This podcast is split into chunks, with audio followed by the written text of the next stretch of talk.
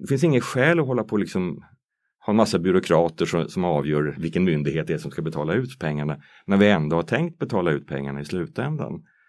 Så här kan man förenkla enormt mycket och som sagt få en väldig massa positiva effekter, både bättre trygghet och bättre frihet.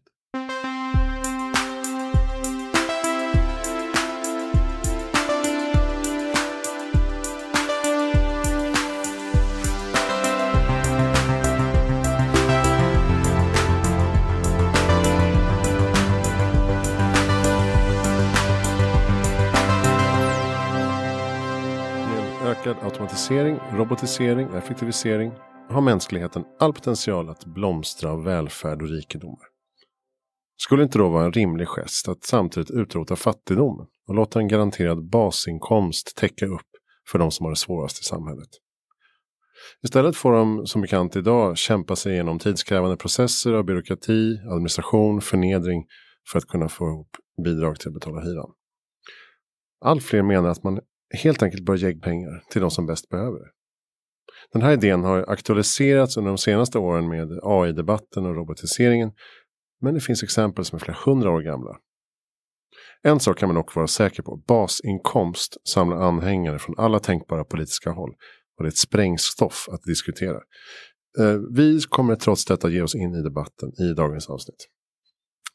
Våra samarbetspartners är Helio som har åtta kontorshotell, coworkingplatser runt om i Stockholm. Vi spelar in i deras poddstudio på GT30, Kulturgatan. Vi samarbetar även med Warp Institute och Sveriges mest optimistiska Facebookgrupp. Gå med där så får ni goda nyheter varje dag. Det, det är extremt glädjande också att kunna meddela att vi har äntligen fått upp en eh, hemsida som heter hejaframtiden.se. Där vi samlar all kontaktinformation, alla avsnitt, eh, länkar till alla intervjupersoner och eh, samarbetspartners och så vidare. Där kan du även läsa om hur du blir sponsor, hur du blir Patreon och så vidare. Så att jag behöver inte rabbla allt det där i varje avsnitt. Visst är det fantastiskt? Hejaframtiden.se. Bara ligg på bokmärket där. Varje dag tänkte jag säga. Det behöver du inte göra om du bokmärker. Jag behöver en gång. Men du kan gå in där ibland. Vi kommer posta lite länkar också till eh, Facebook-sidan. Bra, jag heter Christian von Essen och ställer som vanligt dumma frågor till smarta personer. Det är lite min grej. Varsågoda, Heja Framtiden om basinkomst.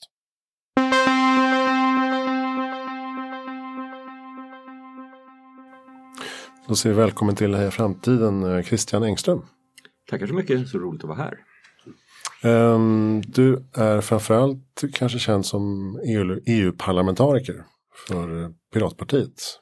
Ja, det tidigare. stämmer. Uh, 2009 så blev vi Piratpartiet invalda i Europaparlamentet. Vi fick 7% i EU-valet. Och då tog jag plats där och sen satt jag i EU-parlamentet i fem år. Just det. Och innan vi kommer in på huvudämnet som är basinkomst så tänkte jag vi kan väl höra lite mer om din bakgrund generellt. Var, var kom du ifrån um, in i piratpartirörelsen så att säga? Alltså från allra första början innan jag blev politiker då hade jag ett hedligt jobb. Då var jag småföretagare och programmerare i 20 års tid på en liten firma. Så där. Eh, och det gick bra och var kul och så där, men så sålde vi den firman och så, så lämnade jag. Sen ägnade jag ett par år åt att hålla på med ett eget öppen källkodsprojekt eh, som jag ville skriva utav ja, av mer eller mindre konstnärliga skäl kan man säga. Eh, så då höll jag på med det, men med, medan jag höll på med det här öppen källkod, eh, källkodsgrejen så blev jag gradvis mer och mer intresserad av de politiska diskussionerna runt friheten på internet. Speciellt en, en amerikansk sajt som heter Slashdot. Eh, där man diskuterar just ja, mycket politiska saker eh, runt internet och sådär. Och då var det frågan om mjukvarupatent som kom upp som en stor grej 2004 för då skulle EU-parlamentet besluta om ett direktiv om eh, alltså patent på dataprogram eller på enstaka små idéer i dataprogram. Och en hysterisk teknisk fråga som, som är nästan obegriplig. Men, men eh, den är central för friheten på internet men väldigt tekniskt krånglig om man säger så. Mm. Och då fanns det en, en, europeisk aktiviströrelse som samarbetade över internet och hade aktivister, jag tror i samtliga EU-länder, eh, som arbetade för att stoppa det här direktivet. Och då kände, kände jag att jo, ja, men det här måste jag ju vara med på. Eh, så, så, så då, jag åkte ner på, på ett seminarium en helg i Bryssel, på skoj så att säga. Men då vart jag så liksom biten utav det så att jag kom att ägna huvuddelen av min tid det följande året åt att vara, en aktivist inom den här rörelsen. Och i juli 2005 så, så vann vi faktiskt. Och det var mer eller mindre första gången som en man säger paneuropeisk aktiviströrelse verkligen har lyckats stoppa ett direktiv eller ändra på ett eh, stort EU-beslut. Så det var, det var en stor och fantastisk seger och då tänkte jag att ja, det här var jätteroligt men nu, nu har jag gjort mitt. Nu ska jag klippa mig och skaffa mig ett jobb eller någonting i den stilen. Och så började jag fundera på att skaffa mig ett jobb men sen så råkade jag sätta, sätta på tvn en av de första dagarna i januari 2006. Och då sa tv någonting bla bla bla, det nystartade Piratpartiet. Och bara genom att höra namnet på partiet så visste jag precis vad, vad liksom agendan var. Och jag kände att med, med den bakgrund som jag hade då, att jag hade varit aktivist eh, inom det här området. Så, så ja, men det, här, det, här får, det här får vi lägga ett år till på det då, tänkte jag. Och så gjorde jag det och vi, vi jobbade då mot riksdagsvalet 2006. Och riksdagsvalet kom och gick och ja, det här att jag skulle klippa mig och skaffa mig ett jobb, det, det rann på något vis ut i sanden. det mm. blev att jag fortsatte på samma väg. Och sen som sagt 2009 så, så hade vi eh, vår fantastiska framgång då i EU-valet. Så att eh, först vart jag invald och sen så blev det efter halva mandatperioden så fick Sverige två mandat till och då gick ett av de två eh, till Piratpartiet. Så att Amelia Andersdotter kom in som min kollega den sista halvan av mandatperioden. Och vad, vad var det för grundvärderingar och filosofi som du föll för i den rörelsen? Ja, alltså eh, fri fildelning och skyddat privatliv, det, det är liksom den enklaste sammanfattningen mm. av, av vad Piratpartiet stod för. Men jag skulle säga att egentligen så, så, är det en mycket, mycket djupare ideologisk grund. Det är helt enkelt upplysningstidens ideal. Alltså eh, vetenskap, att vi tror på evidensbaserad eh, politik. Eh, fritt åsiktsutbyte, eh, att vi, motståndet mot censur och eh, att, vi, att vi tror att eh, även dåliga åsikter mår bra av att komma fram i ljuset för då kan man bemöta dem och så liksom, troll spricker i solen. Eh, och så förstås den här att individen står i centrum, att individens frihet är det viktiga. Det här är själva den ideologiska basen för Piratpartiet. Så som man vill kan man säga att även om vi är ett av de nyaste partierna i Sverige så, så är liksom den ideologiska grunden äldst. För vi, vi, har inte sagt någonting som, som var yngre än 200 år. Mm. Det blev en religiös rörelse också. Av, som ett snedsprång på något sätt. ja, det, det, det, är lite mer av ett snedsprång. Då, då är det kopimismen då som, som är, eller åtminstone var, en officiellt godkänd religion i Sverige. I Sverige fungerar det så att eh, religioner eh, godkänns utav Kammarkollegiet som mm. har den, eh, det mandatet. Inte från Gud tror jag utan snarare kanske från någonting annat, jag vet inte riktigt varför. Det började som ett skämt, det var en av advokaterna för upphovsrättsindustrin som sa om Piratbyrån att eh, herregud, de, där, de är ju som en religiös sekt. Och då var det de inom piratbyrån som tyckte, ja men det där var, det där var en bra, ja just det, nej men då, en religion är vi. Vi startar kopinismen. Kopiering är heligt, sharing is caring, det är våra nyckelord. Och som sagt, det började ju så, som ett skämt och så där, men då var det någon som spann vidare på det där och liksom, men nu ska vi, nu ska vi registrera oss hos Kammarkollegiet och bli en erkänd religion. Så skickade de in blanketten och det var en massa korrespondens hit och dit. Och till slut så lyckades de få ansökan godkänd. Men Ja, det var det en, en av punkterna var, som Kammarkollegiet hade haft synpunkter på var att ja, men ni har ju ingen liksom, religiös urkund, någon religiös text. Eh, och det där råkade, råkade jag se, jag hade ju inte varit inblandad alls i, i eh, ansökan eller någonting sånt där. Mm. Men jag råkade se det och tänkte, liksom, ja, men en, en religiös urkund, hur svårt kan det vara? Så att då, då, då, skrev, då skrev ett kopimistiskt evangelium som utgår just från att kopiering eh, och samarbete det är liksom två heliga principer. Och så byggde jag det därifrån. Men då får jag väl erkänna, det har inte blivit någon världsreligion utav det. Så, så, att, ja, ett stickspår som du sa, det är väl en bra beskrivning. Det, är alltså, det, det missionerande kopimistsamfundet. Det är korrekt, ja. Just det. det formella, eh, formella benämningen på Just det religiösa samfundet. Och att en missionerande religion är ju naturligt för att sharing is caring är ju en av nyckel, nyckelsatserna. Mm. Så att... Men, eh, och där Eh, läste lite i, det dokumentet som du har eh, på din hemsida också. Um, när det går igenom saker som vi kopierar och samarbetar kring utan att de blir mindre. Utan, ja, utan istället just det, just delas. Då. Till exempel elden, språket, kultur, skriftspråk. Eh, sen kom tryckpressen, vetenskap och internet. saker som skapar mer genom att delas, inte mindre. Exakt. Det är Ja, ganska, ja, ja just det. Så att, alltså, väljer man det här perspektivet så, så, är, så faller saker ut på ett ganska elegant sätt. Så, så det är nog inte så knasigt som, som, eh, som det kan låta från början. Så att jag tror att det ligger något väldigt djupt i det. Eh, alltså det är ju så som mänskligheten har, har gått framåt just genom att vi delar med oss av kunskap och alla icke-snäva resurser kan man ju dela med sig utan att de förminskas. Om jag delar med mig av kunskap till dig så blir det inte att jag liksom glömmer bort den eh, förstås. Och där kan man ju säga också om man tittar på vetenskapen. Alkemisterna höll alla sina resultat hemliga. De kom ingenstans alls på flera tusen år. Kemisterna publicerade och delade med sig av sina, sina resultat. Förändrade världen på ett, eh, på ett sekel. Mm. Så jag menar, man ser ju där kraften i, i det som har gjort mänskligheten och civilisationen till vad det är idag. mot bakgrund av det då, hur, hur ser din liksom, syn på framtiden ut? När det gäller eh, människa och frihet och kunskap. Ja, så, som Hans Rosling påminde oss om, eller eh, världen går ju mot det bättre eh, på det stora hela, så, så att säga. Och det är väldigt viktigt att komma ihåg, för, för i nyheterna så ser man ju hela tiden en massa saker som, som går åt fel håll, som man blir, blir liksom upprörd och bedrövad över och sådär. Men ändå, det finns ju en positiv underliggande trend i hela världen. Och teknologin är ju en väldigt viktig del utav, utav det här. Nu behöver vi inte jobba 14 timmar per dygn ute på, ut på åkrarna eh, utan vi har möjligheten att eh, ja, få ett bättre liv allihopa, inte bara en liten överklass utan alla. Och det är ju fantastiskt. Och hur kom du in på det här med basinkomst då? Som du har jobbat ganska aktivt med de senaste åren. Utanför politiska partier ska vi säga. Utan du är väl eh, Ja, frifräsare. Ja, det, det, det, det, tycker man kan säga. Ja. Alltså Piratpartiet eh, är för basinkomst eh, Mm. eh, också. Men, men just det här förslaget som jag har tagit fram, det, är liksom det, det- det får jag mm, ta på mig skulden för. Mm. eh, så att säga. Jag kommer inte ihåg varför jag blev intresserad. Jag, eh, jag blev det och så, frågan var då liksom Skulle det gå? Är det liksom överhuvudtaget möjligt? Och för att få ett svar på det, ja, då måste man ju börja titta lite på siffror. Men, men det, det går ganska bra att göra.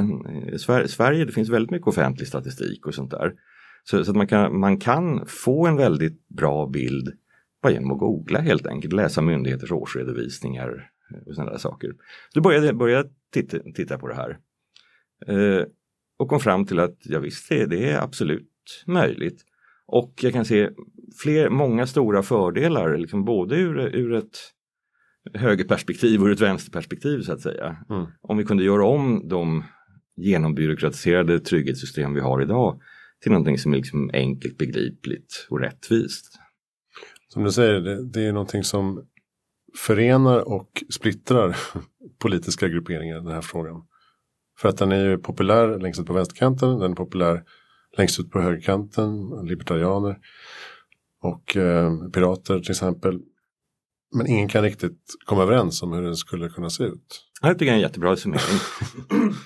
Och det är naturligt, alltså, å ena sidan så är det en självklar vänsteridé för det handlar om trygghet, det handlar om solidaritet. Mm.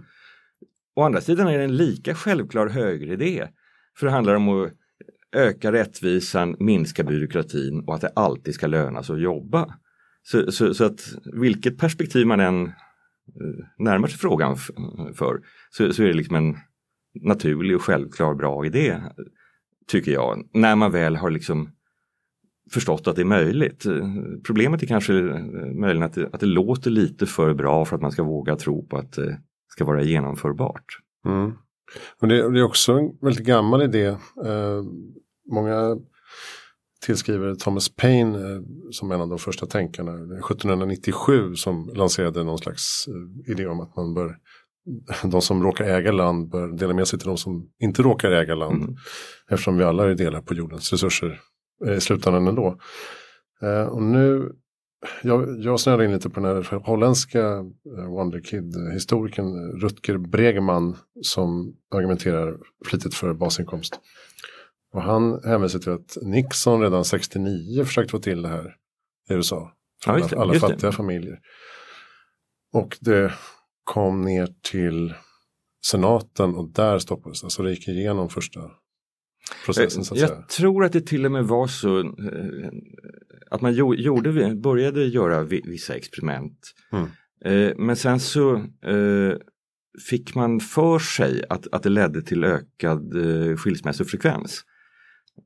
Det har visat sig i efterhand att det där var nog mera en statistisk feltolkning. Men, men det blev så, då kunde man tänka sig den mekanismen att liksom kvinnor som hade varit ekonomiskt låsta vid, vid, vid sin dröm eller till kar fick möjligheten, eh, vilket i så fall skulle vara något väldigt positivt. Eh, tycker jag då i alla fall, men det, men det tyckte inte konservativa i USA. Men som sagt, det är, inte, det är inte ens säkert att det faktiskt hade den effekten utan det, kan nog, det var nog kanske mera liksom att man läste statistiken lite felaktigt. Men mm. hur som helst så ledde det till att man avbröt försöken och det, det var ju väldigt tråkigt. Men, men, men, men, det är ju rätt festligt det där att, att just Richard Nixon eh, skulle vara en föregångsman inom mm. det här området. Eh, Martin Luther King har pratat om det, Milton Friedman har pratat om det.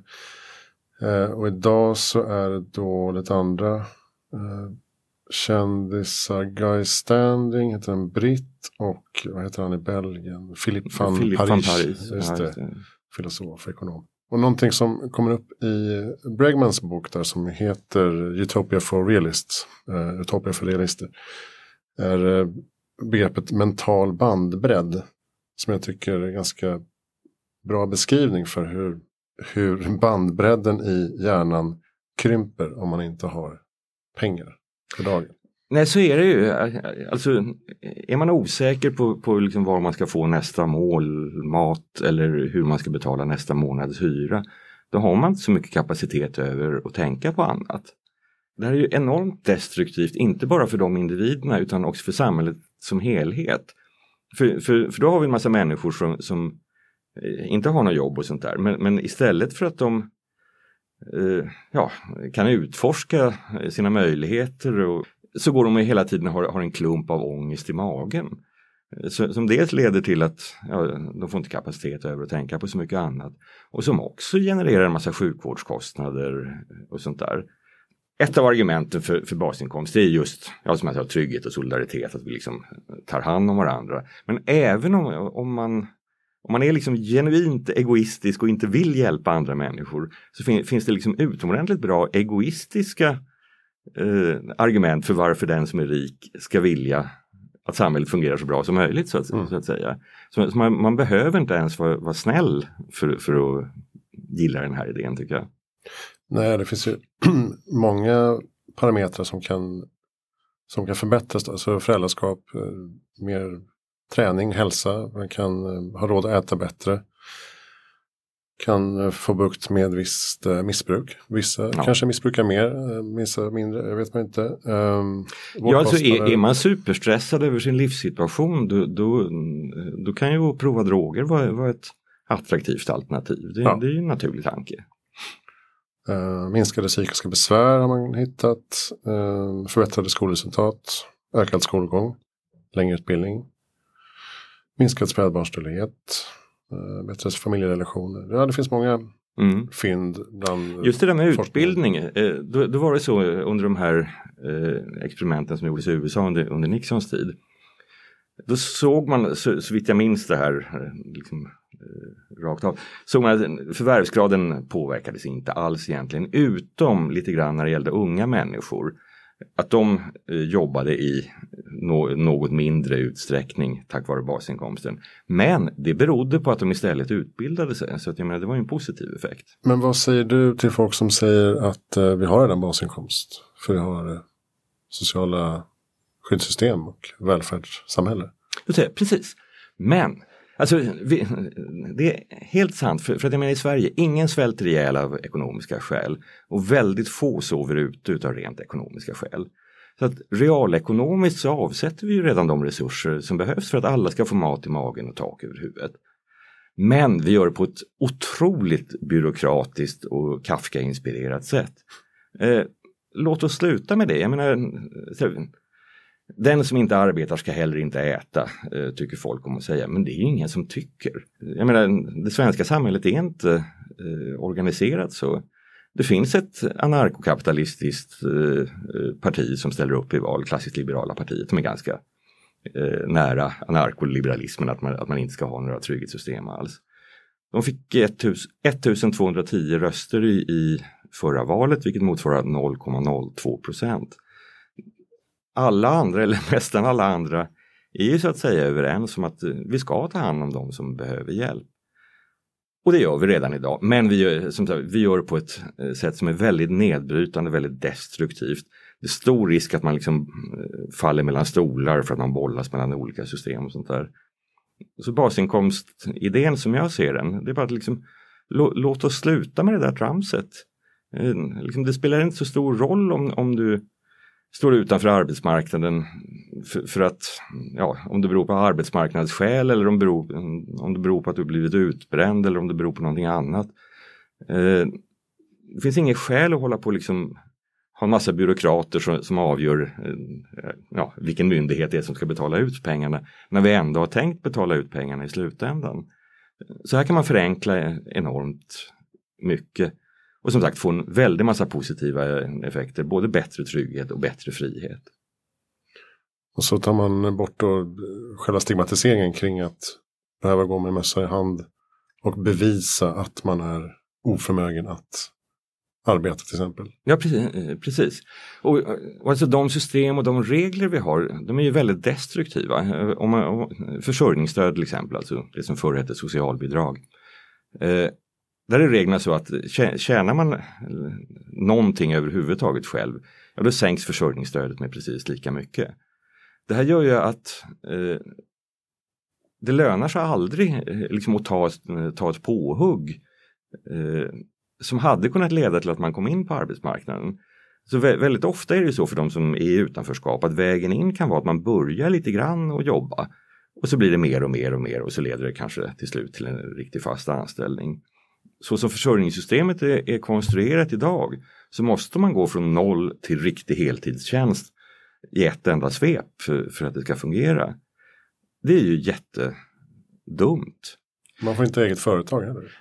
Precis, det är också väldigt destruktivt. Om, om man tänker sig ett på, påhittat exempel men, men ändå realistiskt. Vi tänker oss en kille som är i utkanten av arbetsmarknaden. Han har inte något fast jobb men, men han har ja, han har en bil och några verktyg så att de flesta månader så kan han hanka sig fram på lite hantverksjobb och lite sådana där saker. Men så kommer det en eller ett par månader där det liksom inte dyker upp några jobb och, och han måste gå till socialen för, för, att få hjälp. Ja, vad händer då? Jo, det absolut första han måste göra det är att avregistrera sin enskilda firma. Är man egenföretagare har man ingen rätt till, till trygghetssystemen. Så måste han sälja bilen och verktygen till det pris han kan få. Sen kan han börja få hjälp utav, utav eh, socialbyrån. Men då har, då har ju de här reglerna tvingat, från början så stod han liksom på gränsen till arbetsmarknaden, liksom, kanske på väg in, kanske på väg ut. Mm. Nu står han så långt ifrån arbetsmarknaden som man överhuvudtaget kan. För om det lättar upp sen ett par månader senare, telefonen börjar ringa och, och det kommer en massa jobberbjudanden, ja då kan han inte ta dem längre för han har ingen firma, han har ingen bil, han har inga verktyg. Det här är ju idiotiskt ur samhällets perspektiv. Om vi, om vi, om vi struntar hur idiotiskt det är ur hans perspektiv och bara tittar på, på samhället. Mm. Då har alltså vår, våra skyddsnät pressat ut en människa i, ännu längre ut i utanförskap. Så, så att han kommer, chansen är stor att han kommer tvingas vara bidragstagare mycket längre än han skulle ha varit. Det tjänar ju verkligen ingen på. Så definitionen av basinkomst är ju att den ska vara um, förutsättningslös. Ja, nej, ska, inte, ska inte behöva krävas någon motprestation av något slag. Det ska inte krävas någon motprestation eh, och den ska inte vara behovsprövad. Det ska inte vara någon som kommer hem och kollar i en kylskåp hur många kalorier man har om man verkligen behöver pengar till mat den här månaden. Eh, så, så ska det vara. Och du värjer emot begreppet medborgarlön som vissa använder synonymt med basinkomst. Varför kan man inte säga medborgarlön? Alltså, man kan säga vad man vill i och för sig men det är ett dumt ord. Det, det innehåller två fel. För det första så är det en lön. Lön är något man får för en prestation. Och som sagt definitionen är att det inte ska vara någon motprestation. Så det är missvisande. Men framförallt när man säger medborgare då får man ju tanken att, att det bara skulle gälla svenska medborgare eh, som, som skulle ha rätt till det här trygghetssystemet. Men det, det blir helt absurt. Vi har 750 000 människor som bor permanent i Sverige som inte är svenska medborgare. Den största gruppen är finnarna som är 60 000 stycken. Många av dem har, eh, har bott här i decennier och betalat skatt hela tiden. Ska vi då säga till dem att liksom, tack, det var jätteroligt att ni ville betala skatt men, men eh, vill, ni, vill ni ha någon form av social trygghet? Då är svaret nej för vi har gjort om systemet. Det går ju inte.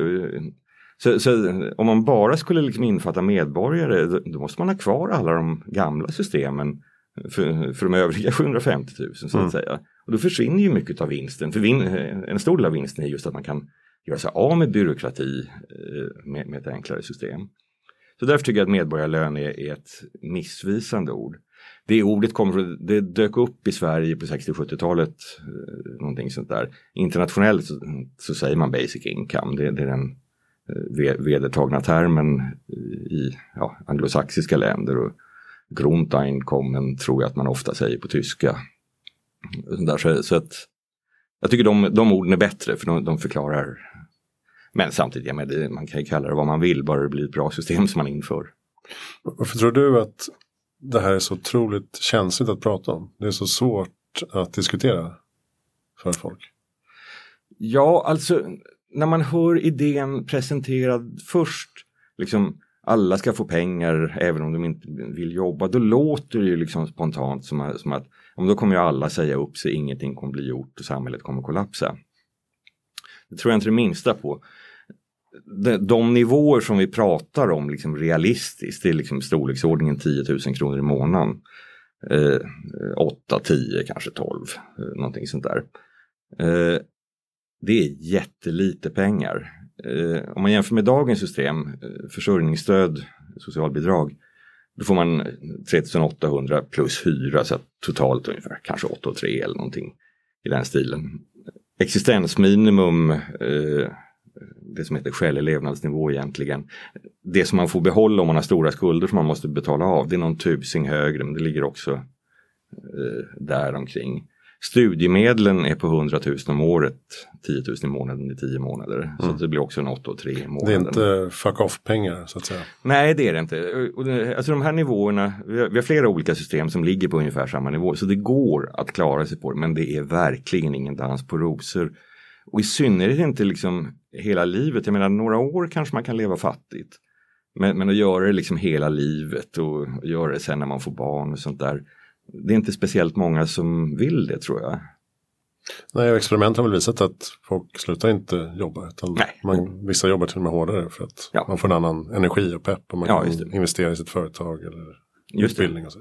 Och, och vill man hårdra det alltså, om man absolut prompt på inga villkorsvis vill jobba idag, då, då, kan man ju låta bli. För, för vi har ju de här trygghetssystemen. Jag menar lyckas man straffa ut sig ur, ur eh, arbetsliv och arbetsförmedling, då, då, hamnar man ju till slut hos socialen och får de här pengarna. Jag menar, redan idag... Sjukpension på grund av skada? Ja, just det. Eh, om man, om man har någon sjukdom. Men om man, om man inte liksom har, har, har någonting som man kan få läkarintyg på utan, utan bara är liksom gravt kroniskt arbetsskygg. Eh, så, så, så har man ju den här möjligheten redan idag. Det är nästan ingen, det är inte många som tar den chansen så att säga om man tar bort en massa byråkrati men låter nivån ligga på ungefär samma, eh, ja, liksom att man klarar sig men, men absolut inte mer. Då ser jag ingen risk alls att, att liksom stora grupper människor skulle säga upp sig. Möjligen, en del kanske gör det men i så fall är det ju människor som verkligen har anledning. Det kanske är någon, någon som liksom känner att jag är på väg att bli utbränd. Mm. Eh, då är, det ju, då är det ju bra i så fall om de säger upp sig. Någon annan kanske, kanske en familjemedlem som, som, som är sjuk eller döende eller vad som helst mm, som man vill spendera tid på att ta hand om. Jag menar, det, det kan ju vara ett utomordentligt rationellt livsval. En tredje kanske vill, vill satsa på någon kulturell verksamhet eh, eller starta ett företag eller liksom, ja, eh, lägga några år på att liksom följa sin dröm och se, se om det blir något. Kan också vara väldigt bra idé helt enkelt. Så, så jag är inte det minsta orolig för att alla plötsligt ska gå ner på absolut lägsta möjliga levnadsnivå och bara ligga på rygg i en hängmatta. Men en sak som jag funderar på ibland när jag läser om det här, framförallt när det gäller den här universella eh, basinkomsten till alla. Är, man, får man inte någon slags inflationseffekt då? Om alla får lika mycket pengar extra? Skulle inte liksom priserna öka då? Det här skulle jag säga är, är, det är det som jag tycker är det stora problemet i basinkomströrelsen. Att många som är för basinkomst har den här eh, visionen eller eh, tankebilden av att alla ska få, även de som redan har heltidsjobb, även miljardärer. Eh, och då går det inte. Jag menar, det kan man lätt, lätt verifiera med, med, med, en enkel multiplikation. 8 och 3 i månaden blir 100 000 om året. 100 000 om året till 10 miljoner medborgare blir 1000 miljarder. Det, det, är mer än vad statens budget är, eller ungefär lika mycket som hela statens budget är. Det går förstås inte. Och jag menar, det här säger sig självt, man kan inte bedriva fördelningspolitik så att alla får mer i, i plånboken netto. Jag menar, det går inte att dela en kaka så att alla får, får en större bit. Nej. Sån tårtspade finns inte. Men redan men, här men, skiljer du dig från många andra förespråkare. Då. Ja, ja. Eh, eh, det gör jag. Alltså, jag säger att alla ska ha rätt till den här basinkomsten. Har man inga inkomster, då får man den. Men när man börjar tjäna, tjäna egna pengar, då trappas eh, basinkomsten av. Dock aldrig med 100% som i dagens system, utan, utan det lönar sig alltid att jobba. Men, men den trappas av. Eh, och sen för de allra flesta människor i, i den modell som, som jag har skissat på, eh, de allra flesta människor som har jobb, jag menar, de fortsätter betala skatt exakt som, som vanligt så att det blir ingen skillnad Utom skillnaden att man vet att om man skulle bli av med jobbet så, så hamnar man inte i, i liksom en Kafka-labyrint eh, av, av eh, nedbrytande byråkrati. Utan då ja, landar man i ett skyddsnät som som sagt inte är en dans på rosor men, men i vart fall är tryggt och säkert som gör att man klarar sig. Om man tittar, tittar på den svenska definitionen av basinkomst, jag tror att det är basinkomst.nu som den ligger på, då står det uttryckligen, den här modellen brukar ofta kallas för negativ inkomstskatt. Eh, Milton Friedman till exempel kallade det för negativ inkomstskatt. Tanken är att eh, normalt för de flesta människor då betalar man in pengar i skatt. Men då om man inte har några inkomster eller, väldigt låga inkomster, då ska man istället få ut pengar från skattemyndigheten. Mm. Eh, så att det blir negativt på det viset. Och negativ inkomstskatt, som sagt i vart fall enligt den svenska definitionen som basinkomströrelsen har kommit överens om, så står det uttryckligen med att, att det är en form av basinkomst. Jag ser det här som ett problem att må, många, många anhängare av basinkomst är i mitt tycke för visionära. De, de pratar om ett fantastiskt utopia som vi kanske kommer få om 50 eller 100 år. Men, men jag är mer intresserad av vad kan vi göra nu för, för att lösa allvarliga problem som, som, som, vi faktiskt har nu i samhället. Just det. Jag ska säga att eh, basinkomst.nu, de går tillbaka hela vägen till 1500-talet. Pratar om Thomas More och Johannes Viv. Um, och sen kommer man in på Thomas Paine. Ja, um, det, Thomas Paine, eh, ska, ska, man vara riktigt, riktigt ärlig eh, så, så, var det inte riktigt basinkomst.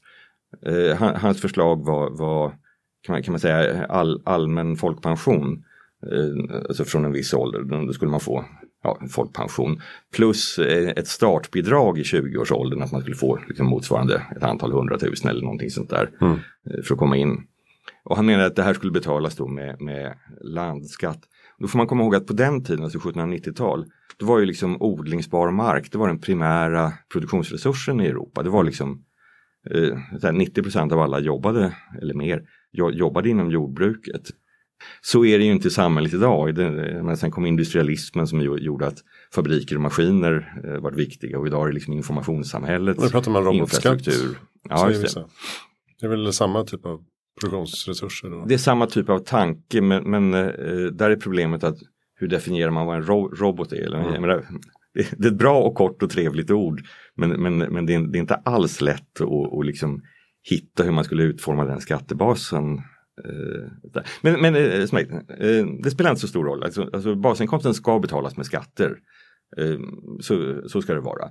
Och därmed så, så blir det ingen den här inflationsfarhågan. Menar, om det vore så att liksom Riksbanken tryckte upp nya pengar för att betala ut dem till alla. Mm. Menar, då skulle det definitivt bli inflation. Det, det, det är inget snack om den saken. Men så ska det inte vara utan det ska vara som dagens trygghetssystem att liksom staten drar in skatter på ena eller andra sättet eh, och använder till, till att erbjuda den här grundtryggheten för alla. Vi kan gå igenom ditt förslag eh, lite punkt för punkt. Här. Eh, för du, du, du propagerar för en summa kring 8333 eh, för att det ska bli 100 000 per år. Då. Ja, just det. Och för, som sagt, det är den, eh, det kan jag kan säga, liksom alla, alla de här siffrorna är 2014 års mm. siffror. Så, så, att det är väl kanske, men, men principen är ju densamma i den svenska ekonomin idag. Eh, Just det, 8333 som du säger, det är för att det blir 100 000 om året så att det är liksom lätt att multiplicera med. Men också för, för att exempelvis då försörjningsstöd och studiemedel ligger på precis den nivån.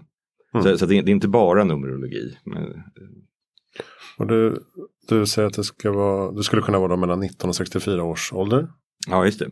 Alltså, eh, det är så att eh, barn är försörjda av sina föräldrar enligt lag. Mm. Föräldrarna har försörjningsansvar tills ungen har gått ut gymnasiet eller senast när den fyllt 21. Eh, och pensionärer, ja men de, de har ju redan basinkomst.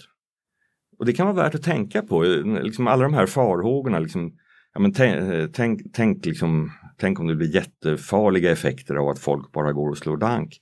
Ja men titta på liksom våra pensionärer, hur farliga är de? Så att säga, de går ju bara och slår dank.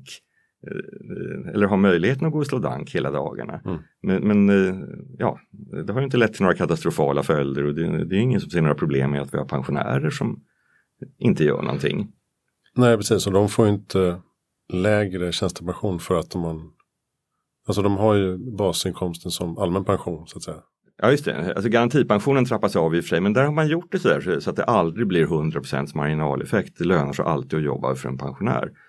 Och, och mitt förslag är då, liksom, det här är en bra idé, låt oss utvidga det till, till den här liksom mellanspannet som inte är försörjt automatiskt. Och att jag satt just 19 års ålder, det beror på att normal, de flesta går ut gymnasiet när de är 19. Annars hade det, det hade känts naturligare med 18. Men då får man den här effekten att liksom sista året i gymnasiet så, så, skulle då ungarna få en 8-10 tusen och sen så bor de fortfarande hemma. Mm. Liksom då får de en nöjesbudget som de aldrig någonsin i livet kommer upp till igen. Ja, det blir ingen studentexamen. Jag kan, jag kan inte tänka mig ett sämre sätt att, att liksom lära unga människor pengars värde. Så, så, så där, därför. Men samtidigt som liksom vid 19, det är många som går direkt från, från gymnasium till hö, högskola. Och här ska ersätta studiemedelssystemet då. Så, så att man, man måste liksom ja, det måste vara så att man kan gå direkt från gymnasium mm. till högskolan. Jag, jag pluggade i Oslo efter gymnasiet, både hemma hos mina föräldrar i Oslo. Då fick jag alltså CSN utlandslån. Då. då fick lite extra lån och sådär och eh, konvertera till valuta. Och så betalade de ut i ett, på ett bräde. Så plötsligt i augusti efter gymnasiet så hade, fick jag in liksom 60-70 tusen på kontot. Och bodde hemma, betalade ingen hyra. Ja. Det var jättebra. Det Bra termin. Ja, ja, ja som sagt. Vad kul. Alltså, tänk vad fantastiskt roligt man kan ha. Men, men, men som sagt, jag, jag tror att det skulle, skulle leda in en hel del ungdomar på liksom fel väg i livet. Ja, nu sitter jag och betalar studielånet ja, resten av livet också. Så att man får stå sitt kast man, man, kan tänka att det här låter som en helt revolutionerande galen idé. Men, men enligt din beräkning skulle ungefär 7% få tillgång till det här stödet. Ja, just det. Eh, om man tittar, eh, tittar på befolkningsstatistiken, inkomststatistiken. Mm. Eh, då, då råkade det vara så att SVT hade mm, publicerat en, en sån liksom 100 staplar för liksom 100 percentilerna av befolkningen. Och med hjälp av den där så kan man gö göra väldigt, mm, liksom, i vart fall överslagsberäkningar av, av vad ett sånt här system skulle kosta. Då visar det sig att när man tittar på liksom de i arbetsför ålder så är det 7% som inte har någon inkomst alls. Och sen är det ytterligare en 7-8 som, som har mindre än 8 och 3 i, i inkomst. Så de, de, skulle ju få, få någonting till. Mm. Och de här 7 procenten, hur försörjer sig de? Eh, det är en jättebra fråga. Studenter ingår där, eh, försörjningsstödsmottagare ingår. Eh, men sen vet jag inte i övrigt, det skulle vara en väldigt spännande sak att ta reda på, men, men det vet jag inte. Hur som helst, de är 7 i alla fall plus en 8% Så att 15% ungefär är det som idag tjänar, eller ja, med idag menas 2014, tjänar mindre än 8 3 i månaden. Vad skulle det här kosta då ungefär? På det sätt som jag räknat med, med för det är den här gradvisa avtrappningen också, det kostar ju, kostar ju lite grann pengar. Mm. Det skulle kosta 132 miljarder. Och det, det, det, är mycket pengar även för staten. Statens totala budget är idag på runt 1000 miljarder och 2014 så var det runt 900 miljarder. Men eh, samtidigt, det är inte omöjligt mycket pengar. För som sagt, vi betalar ju redan för en massa system idag. Och då är det till att börja med försörjningsstödet som kostar 11 miljarder eh, om året i utbetalningar. CSN, studiemedlen, som kostar 17 miljarder och Arbetsförmedlingen som 2014 kostade 64 miljarder. Eh, de här tre, alla tre föreslår att man lägger ner helt. Eh, summerar man de posterna så blir det 92 miljarder och det var 132 vi skulle upp till för att täcka det. Så för att täcka det sista så föreslår jag att vi återinför enhetlig moms. Det är ju så idag att momsen på det allra mesta är 25 procent. Mm. Men den är sänkt till 12 procent på mat eh, och den är 6 eh, procent på vissa kulturprodukter, i synnerhet finkultur. Och skidliftar och Eh, transporter i skidliftar och entréer till djurparker. Böcker av papper. Och, böcker av papper. Inte ja. böcker digitalt. Nej, just det. Precis, det blir så knasiga gränsdragningsproblem i, i det där. Så mitt förslag är att eh, vi återinför liksom enhetlig moms, att det blir 25 procent det. Blir, det blir en höjning då. Och det drar in 50 miljarder extra till staten. Det, det har riksdagens utredningstjänst eh, räknat ut. Så, så mm. den, den, siffran finns att tillgå. Och 92 plus 50 det blir 142 miljarder i finansiering och 132 miljarder i kostnad då, enligt den här skissen. Så, så det går att räkna hem utan, utan några liksom speciellt stora åthävor. Ska vi se. Jag menar, försörjningsstödet, alltså gamla socialbidraget, det, det ryker. Eh, men då säger 11 miljarder utbetalningar. Men, ja, men själva administrationen, byråkratin och de anställda, det måste ju ja, just det. massa mer. Just försörjningsstödet, det, det, det, är det bidrag som har de högsta administrationskostnaderna. Eh, för det ligger på en, ja, bortåt 30 procent eller någonting, eh, alltså 30 procent av de utbetalade beloppen. Så 11 miljarder utbetalning och 3-4 miljarder i kostnader för socialassistenterna som, som eh, har hand, hand om det här i mitt förslag, jag har inte räknat med någon, någon besparing på att vi skulle sparka socialassistenter utan där, där är min tanke att eh, socialtjänsten går på knäna i väldigt många kommuner. Så att om, om de liksom utbildade eh, ja, socialtjänstemännen istället skulle kunna börja jobba med det de är utbildade för, nämligen hjälpa människor med riktiga problem istället för att bara sitta och nobba folkstålar. Då tror jag att det skulle vara en väldigt, väldigt värdefull sak i sig. Så därför har jag inte räknat med någon besparing byråkratin där. Ja, okay. Och samma med CSN och Arbetsförmedlingen då? Ja, Arbetsförmedlingen, där tänker jag mig vi lägger ner hela myndigheten. När det gäller eh, a-kassa och sånt där, det går genom Arbetsförmedlingen, genom deras budget. Dels det de betalar ut själva och dels det de ger vidare till fackens mm. eh, a-kassor i bidrag. Arbetsförmedlingen är eh, hyfsat höga administrationskostnader, det är ungefär 10% av det utbetalda beloppet i administration. Men den, men den stora kostnaden på Arbetsförmedlingen det är alla bidrag som går till företag. Alltså, eh, alla de här olika konstiga specialanställningsformerna som, som liksom eh, by, byter namn och regler var sjätte månad och som ingen kan hålla reda på. Men som är att pengar går inte till liksom människor som behöver hjälp utan till företag som har lärt sig fylla i blanketterna på rätt sätt. Mm. Plus att det går en väldig massa eh, pengar till, till såna här Ja, just jobbcoacherna tog de ju bort, men, men olika företag som, som arrangerar olika mer eller mindre meningsfulla utbildningar och terapiaktiviteter eh, för, för de arbetslösa. Som sagt, där är mitt förslag är, liksom, vi ska inte hålla på att betala ut pengar till företag, vi ska betala ut pengar till människor som behöver hjälp. Så, så, så att lägg ner hela Arbetsförmedlingen. Det är möjligt att det finns några små liksom, specialfunktioner som, som kan behövas vara kvar men då, då får väl den, den, som tycker det får väl berätta vad det är och, och, argumentera för, för varför de ska finnas kvar så kan vi flytta dem till Försäkringskassan eller någonting till någon mm. annan myndighet. För Försäkringskassans roll blir kvar då? I mitt förslag ja. Och det beror på att sjukpensionen som het, förstås inte heter sjukpension utan det heter sjukersättning eller aktivitetsersättning. Eh, den är inkomstberoende så att den kan vara högre än, än den nivån eh, som jag föreslår. Den är lägre för en del människor men den är högre för en del. Och då är det så, alltså en, en av grundtankarna i, i, om man säger designen av det här förslaget, det är att det ska vara politiskt genomförbart. Ett förslag som, som går ut på att liksom alla, alla som är sjukpensionerade, långtidssjukskrivna, Eh, en stor grupp eller en hyfsat stor grupp eller en viss grupp av dem kommer få sänkt ersättning. Ett sådant förslag går aldrig någonsin att få, få igenom eh, politiskt. Eh, det finns ingen politiker som är beredd att sitta i tv eh, och, och försvara. Ja, du vill ta pengar ifrån de, de sjuka. Ja, det vill jag. Det tycker jag är rysligt bra. Så, så, så det, det, är liksom meningslöst. Så, så därför, därför föreslår jag att det ska vara kvar. Men då ska man komma ihåg att det finns, finns en del som, som, eller många som har under basinkomstnivån. Jag menar, de skulle få basinkomsten istället förstås. Och också alla som blir utförsäkrade. För det är ett stort problem idag, liksom det här med utförsäkringarna. Som det nu är, om man blir utförsäkrad, då hamnar man ja, på gatan eller i praktiken hos eh, socialkontoret.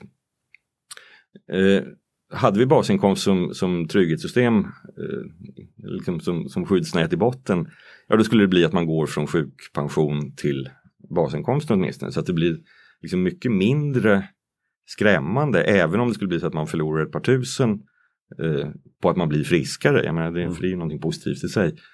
Eh, så, så, skulle det inte bli, leda till en ekonomisk katastrof. Så, så att även om jag inte liksom uttryckligen gör några förändringar i sjukförsäkringssystemet så, så blir det ju ändå en förstärkning utav det. För att liksom, det blir en tryggare botten i det. Just det. Och, och studiemedel då, då menar du att CSN fyller ingen viktig funktion längre? Nej, de behövs ju inte alls då. För, för, att om man är student, ja då har man inga inkomster. Ja, då får man den här basinkomsten på, mm. i mitt förslag, 100 000 om året. Man slipper man skuldsätta hundratusentals människor. Just det, idag, idag är det så att studenter får 100 000 om året men där är eh, eh, en fjärdedel ungefär i bidrag och 75 procent ungefär i, i lån. Eh, så, så, att det här, det här, skulle bli en enorm förbättring för studenter, kanske lite väl bra. För, för om man tittar på det, liksom, nyutexaminerade akademiker generellt sett eh, är ju inte liksom någon grupp som det är väldigt synd om eller som är ekonomiskt eftersatt. Så man skulle kunna tänka sig att man, att man fortfarande ger alla studenter basinkomsten men att man inför terminsavgifter eh, som de får låna till så att säga. Och då, kan, då kan man ju lägga, lägga dem på nivå jag vet på den tiden när jag studerade på 80-talet då, eh, då, var, då, hade studentkårerna kravet liksom eh, häl, hälften lån, hälften bidrag. Mm. Jag, vet, jag, tror att de fortfarande har det kravet, eh, för vi är i alla fall långt ifrån det. Men om man tänker sig att man lägger, på den, lägger sig på den nivån, eh, då skulle det bli liksom att man, att man ändå har vissa studielån när man går ut, eh, men, mindre än idag. Och i så fall då blir det ett antal tiotal, något tiotal miljarder som man får i extra finansiering. Men sagt, förslaget som jag lagt ser inte ut så, men, men det är en förändring som man skulle kunna göra om man vill vara eh, liksom vill tajta till det lite för att mm. hålla kostnaderna nere eller för att kunna höja nivån eh, för alla. Egentligen är det ju rätt märkligt att studier som är så otroligt viktigt att eh, att det ska man betala tillbaka. Alltså det ska man, de ska låna. ja, li, eh, lite konstigt är det. Ska få, eh, pengar.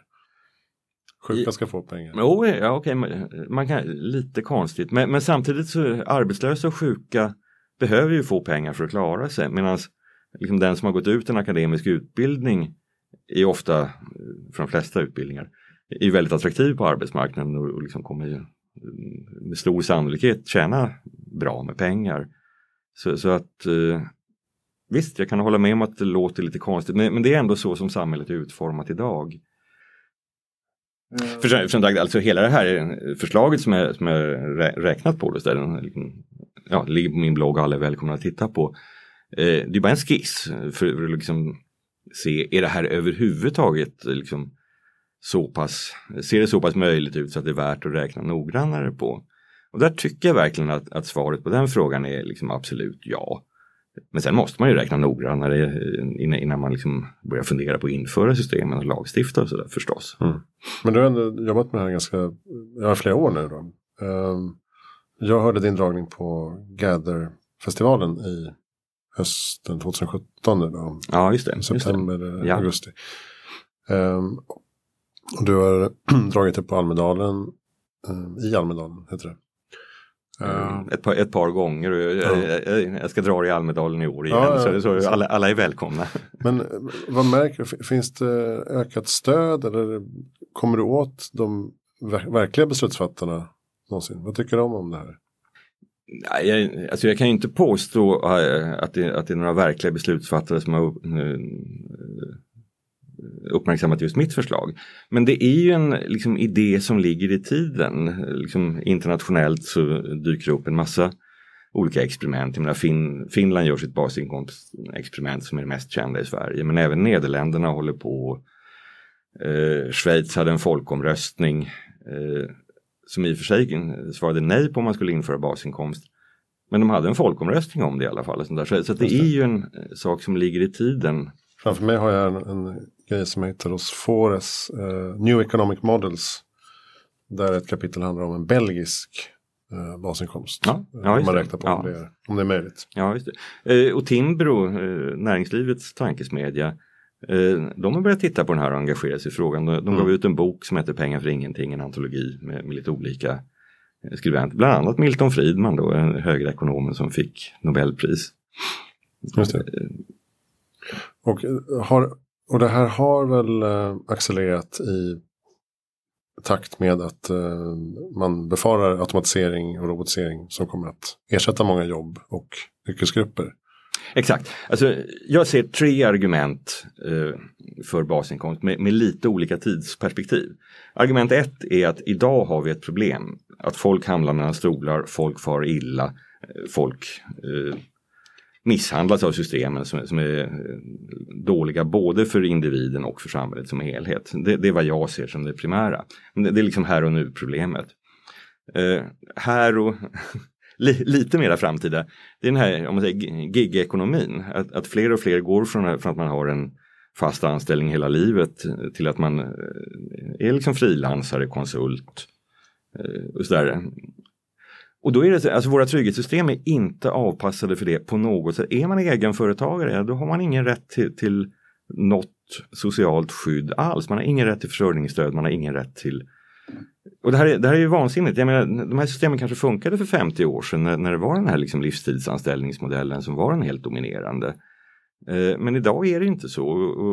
Om gigekonomin, om det är bra eller dåligt, om, om det innebär att liksom även kvalificerade eh, yrken reduceras till liksom daglönearbete eller om det innebär eh, fantastiska möjligheter för liksom, kreativitet, nya kombinationer och så vidare. Det kan man diskutera hit och dit.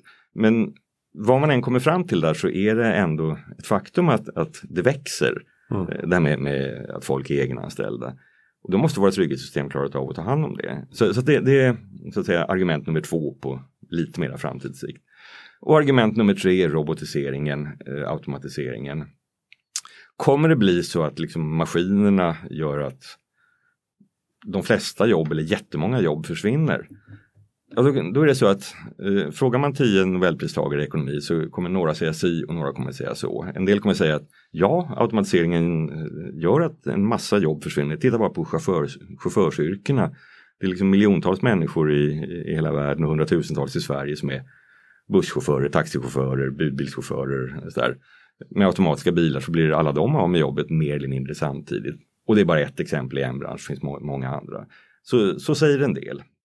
Medan alltså andra säger att jo, men om vi tittar historiskt, eh, som sagt på 1700-talet så jobbade 90% av alla i jordbruket. Eh, det gör de inte längre men det har ju sugits upp av industrin och av servicenäringar vartefter samhället har omvandlats. Så de säger att liksom marknadsekonomin kommer fixa det, vi behöver inte vara oroliga. Men samtidigt, ja som sagt eftersom ledande ekonomer säger olika det betyder att om de inte vet, ja, då vet inte jag heller. Och då tycker jag att det enda ansvarsfulla sättet för oss som samhälle det är att planera för bägge eventualiteterna. Så att om det blir så att strukturomvandlingarna går så fort så, så att liksom väldigt många liksom blir eh, utanför arbetsmarknaden eh, tämligen plötsligt, tämligen samtidigt. Då ska vi ha förberett så att vi klarar det. Det, det måste vi göra. Och händer inte det, ja då, då, då händer det inte men, men då har vi ett bra system eh, i alla fall som är bra på andra sätt. Mm. Ja, så eh, argumentet är också att eh, om vi kan genom effektivisering eh, skapa betydligt större välfärd med våra resurser på jorden, då kan vi också låta alla ta del av det. Ja, det måste vi göra. För, för om, det, om det blir så, alltså vi vill ju absolut inte ha ett samhälle där, där en liten överklass som, som äger maskinerna, vad det nu är för maskiner så att säga, mm. eh, också äger liksom i runda slängar alla Eh, ja, all rikedom och att resten liksom blir ett fattigproletariat som mer eller mindre eh, knappt kan försörja sig. Jag menar, ett sånt samhälle vill ju ingen människa ha. Det gagnar ju inte ens de rika för jag menar, då blir det social oro, då blir det revolution. Då kan... vad är det för vits att ha råd med ett par Gucci-skor om man ändå inte vågar gå ut för att man blir nedslagen och rånad så fort man går utanför sitt gated community. Jag menar det. Så, så att eh, som sagt, man, man, behöver inte ens vara speciellt altruistisk för, för att vilja ha ett samhälle där, där alla har det hyfsat bra. För, för... Och som sagt, då måste vi bygga strukturer så, så att vi klarar av det. Just det, och så kan man också hänvisa till någon slags eh, ekologisk eller miljömässig rättvisa. Att de som släpper ut mest får också betala mest i skatt som ska gå till det allmänna så att säga. Ja, just det. Jo, jo, det där är, det kan man säga, det är en delvis annan fråga men som är sammanlänkad. Hur ska vi utforma skattesystemet? Ja, hittills har det varit inkomstskatterna som är det helt dominerande intäkten för, för staten. Eller för, för det offentliga. Om det nu blir så att, eh, ja, ett, sånt, ett sånt scenario där liksom maskinerna har gjort att eh, det bara är en ganska liten del av befolkningen som eh, lönearbetar. Då, kan, då måste man ju börja titta på andra skattebaser. Och då är miljöskatter i, det, är, det, det är de bästa skatterna. Alla andra skatter har ju liksom negativa snedvridande effekter. Men miljöskatter som gör att den som smutsar ner får betala för det själv. Jag menar, det, det är ju, det, där ligger incitamenten rätt, det är en positiv sak. Mm. Men det här att liksom utveckla nya skattebaser och sånt där, det är ju en enormt komplicerad fråga i sig. Eh, det är ingenting man gör över en natt och liksom eh, säger ja, ja men nu höjer vi miljöskatterna med 300 miljarder och sen så liksom eh, använder vi de pengarna till någonting kul. Det kan man inte göra, för det, för det går inte, det, liksom, det är svårt. Men, men alltså vi, vi rör oss ju redan i den riktningen. Eh, punktskatterna för en 30, 40, 50 år sedan var, var liksom en helt marginell del av statens intäkter. Nu, nu är koldioxidskatt och sånt där eh, en ganska stor och växande intäktspost. Så, så, att den här typen av förändringar händer och kommer fortsätta hända men, men det, får, det får lite grann ta den tid det tar för det går, det går inte att forcera fram sådana saker allt för fort tror jag. Just det. Han, Rutger Bregman har ett exempel med sin bok där med eh, 13 hemlösa män i London som bor på gatan och eh, bidrar med enorma kostnader för samhället, för sjukvård, polis eh, och så vidare. Och eh, till slut så blev man trött på det här och eh, sa att ja men eh, här, ta, ta pengar istället. Mm. Och så fick de en engångssumma. Vad var det nu?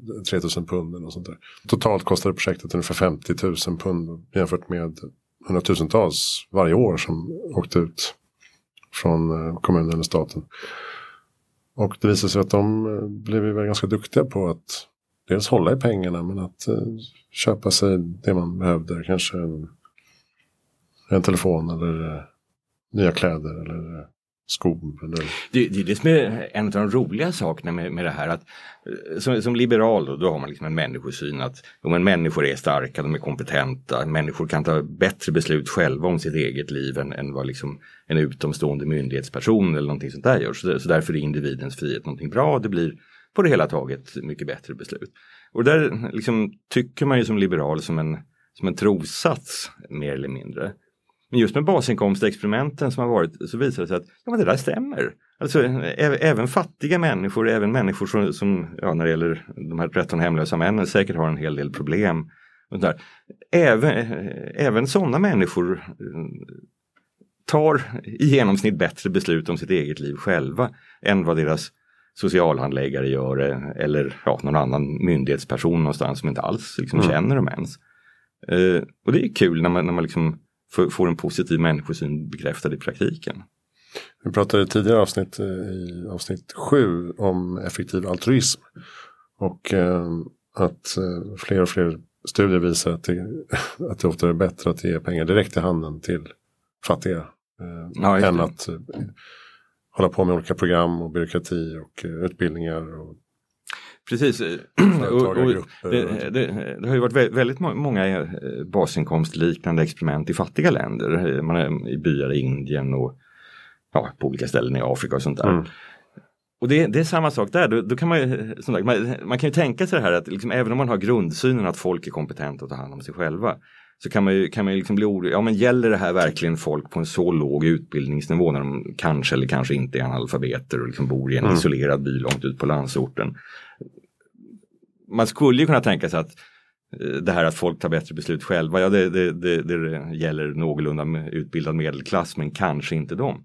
Men det visar sig att, att liksom även de här människorna på mycket låg utbildningsnivå, liksom, Eh, då pratar vi basinkomster som ligger på liksom ett par dollar i veckan eller någonting sånt där. Det är liksom en helt annan ekonomi än våran. Även de tar mycket bättre beslut eh, själva än, än vad, vad ja, biståndshandläggaren i, i närmaste eh, stad gör. Och betydligt bättre än, än vad liksom biståndsbyråkraterna i Genève gör. För de vet ju ingenting om, om förhållandena på marken. Återigen som sagt, det, det är väldigt kul och positivt att få, få, få ja, sin positiva människosyn bekräftad. Mm. Give Directly heter en sån Ja, just det. Det, det är ett sånt exempel. Som Google stöttar bland annat. Mm. De har där kan man prenumerera på en, eller prenumerera, man, man kan uh, autogira en basinkomst helt enkelt. Mm. Uh, bland annat. Um, och de, de kör pengar i handen. Och pengar, som... pengar i handen har ju också den fördelen att då, då bygger det en ekonomi. För, för att delar man ut mat till folk, ja då får de någonting att äta. Men, men eh, så är det slut där. Ger man folk pengar, ja då kan de ju handla. Det betyder att liksom lokala handelsmän i byn kan börja tjäna pengar. Någon kanske använder, använder sina pengar till att liksom köpa en symaskin för att kunna sy kläder. Och då finns det kunder som, som också har fått pengar som kan köpa de där kläderna. Så, så man liksom drar igång en, en ekonomi. Vilket man inte gör med, med sån här natura eh, nödhjälp på samma sätt.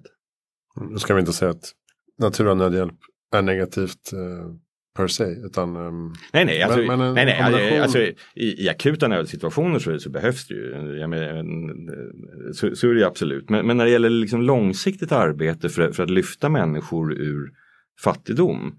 Eh, ja, då är pengar en väldigt, väldigt bra, ett väldigt bra instrument. Mm. Poverty is not a lack of character, it's a lack of money. Som precis, säga. precis. Det, fattigdom är helt enkelt brist på pengar i första hand. Nu låter vi väldigt eh, positiva till det här. Men, eh, men det är ju ett intressant eh, tema, en intressant tankenöt på något sätt. Och hur ser du i framtiden? Skulle det här kunna liksom bli genomförbart inom de kommande 20-30 åren? Absolut. Som sagt, mitt, mitt förslag är räknat på att liksom, det ska gå att genomföra ekonomiskt och minst lika viktigt, det ska gå att genomföra politiskt. Mm. Som sagt, det är ingen vits att lägga politiska förslag som man vet att det här går aldrig någonsin att få igenom i debatten. Eh, så jag har verkligen försökt just att hålla det politiska fotavtrycket så lite som möjligt. För det, det är så inom politiken, varje gång man vill ändra någonting, ja då blir det ju någon grupp som förlorar på det. De som var gynnade av de gamla reglerna, vad de än var. Och de kommer ju liksom bjuda motstånd mot det. Så, så att liksom varje förändring man gör öka det politiska motståndet i den reform man vill genomföra. Och någonstans kommer man till en punkt där det blir för stort, det blir bara omöjligt. Det spelar ingen roll hur bra idén är på pappret, det går inte att få igenom politiskt. Så försöka hålla det så litet och så tajt som möjligt eh, har varit min ambition när jag skissat på det här. Men jag tror absolut att eh, ja, som sagt, det, det är genomförbart. Vi borde genomföra det redan idag för, för att minska otryggheten och, och liksom lägga grunden för, för entreprenörskap och kreativitet. Eh, det är mycket möjligt att det inom eh, ett eller två decennier blir absolut nödvändigt om det här scenariot med att robotarna tar många av jobben, om det blir verklighet. Mm. Så eh, jag tycker, mitt förslag är låt oss börja nu. Jag menar, första åtgärden är ju förstås att liksom utreda saken noggrannare så man får ett konkret förslag. Men jag tycker nog att nu är precis lagom tid att dra igång. Vad eh, ser du mest fram emot i framtiden om du blickar framåt? Menar du just inom det här området eller i största allmänhet? Största allmänhet. Ja, alltså det är ju helt fantastiskt det här med alltså att internet har gjort att, att vi för första gången är sammankopplade hela mänskligheten på ett sätt som aldrig någonsin tidigare har varit. Det, det, alltså det är så magnifikt så, så att det finns ju ingen som har en aning om vart det kommer leda. Det är ju otroligt spännande har aldrig någonsin funnits en mer spännande tid att leva i än just nu. Och det är ju kul helt enkelt. Och som sagt, eh, eh, vi, har Hans Rosling med oss eh, i anden som påminner oss om att på det hela taget så har det trots allt gått till det bättre. Även om det finns hur många saker som helst som man liksom genuint kan vara väldigt oroad över. Så, så ja, så ser, det ut som att vi är på rätt väg även om vi inte riktigt kan förklara varför det verkar gå till det bättre när ingen kunde vara säker på hur det skulle gå innan. Men eh, tycker du att man förmedlar det tillräckligt i media till exempel? Nej, gammelmedia pratar ju mest om problem. Det ligger ju i sakens natur. Det är ju så nyhetsrapportering har varit, varit i alla tider så, så, att säga. Det är bland annat därför vi har fått den här eh, missvisande bilden av Afrika som ett ställe där det bara är, är krig och hungerskatastrofer. Vilket beror på att när det är krig och hungerkatastrofer, jag menar då rapporterar ju media om det. Vilket är korrekt, det ska de göra, det är viktiga nyheter eh, och så vidare. Men i och med att det bara blir det som ändå är undantagen som rapporteras så, så, så får ju vi i väst Ja, vi missar ju det här positiva som, som händer i, i utvecklingsländer och det, det, är ju tråkigt. Men, men där är det ju, alltså gammelmedia är ju inte alls, för, fram till för ja, 20-30 år sedan, då var det ju bara den världsbilden som fanns att tillgå nu har vi internet och man har, man har liksom alla möjligheter att läsa alternativa media, man kan läsa utländska media, man är eh, med i sociala sammanhang där, där folk skickar länkar och sånt där. Så att vi har ju en mycket mer eh, liksom, diversifierad och, och mångfacetterad eh, världsbild idag, eller har möjlighet att skaffa oss en. Så, så att, ja nej, jag tror framtiden är på väg att bli helt fantastisk men jag har ingen aning om riktigt hur. Vi kan ju rekommendera Hans Roslings eh, sista bok här som uh, heter Factfulness. Uh, finns på Natur och kultur tror jag. Där beskriver han just frustrationen över att folk sitter fast i 1965 års bild av hur världen ser ut när den uh, i själva verket har uh, skiftats väldigt, väldigt mycket. Mm. Um, vem tycker du att vi ska intervjua i Heja Framtiden? Ja, jag tycker du, du, ska eh, intervjua Rick Falkvinge fast han bor i Berlin så att det får, får du lösa på ett tekniskt sätt. Mm. Rick Falkvinge var, var den som startade Piratpartiet eh, 2006. Eh, nu för tiden så är han Ja, han, är, han är fortfarande engagerad i, i nätfrihetsfrågor men, men, speciellt så är han väldigt, väldigt intresserad av kryptovalutor. Och sådana saker. Eh, men han har ett brett filosofiskt anslag på, på den moderna världen i största allmänhet. Så mm. det är mitt förslag. Bra. Och eh, om man vill veta mer om basinkomst och eh, ditt förslag, hur hittar man det? Man googlar mitt namn, Christian Engström. Då kommer man till min blogg. Och så scrollar man ner lite, då, då ligger det där i högerkolumnen. Eller om man är lat så kan man väl googla Christian Engström basinkomst så gissar jag att man kommer direkt till, till förslaget som sådant. Just det. Och eh, googlar man på basinkomst så kan man eh, förlora sig ganska ganska många månader. Mm. Det, det, det, är, det, är, ett fantastiskt sätt att, att slösa bort tid och, och ja, informera sig om det här ämnet. Ja, men ett spännande område ja, eh, som vi garanterat kommer att uh, höra mer om uh, i framtiden. Jag är helt övertygad om att så är fallet, ja. Bra, tusen tack Christian Engström. För tack att du kom till. För att jag fick vara här, det var jättetrevligt. Ja. Uh, jag heter Christian von Essen. Vi sitter i Helio, deras poddstudio, helioworks.se, kolla in det. Um, nästa vecka så pratar vi om någonting helt annat. Tack så mycket.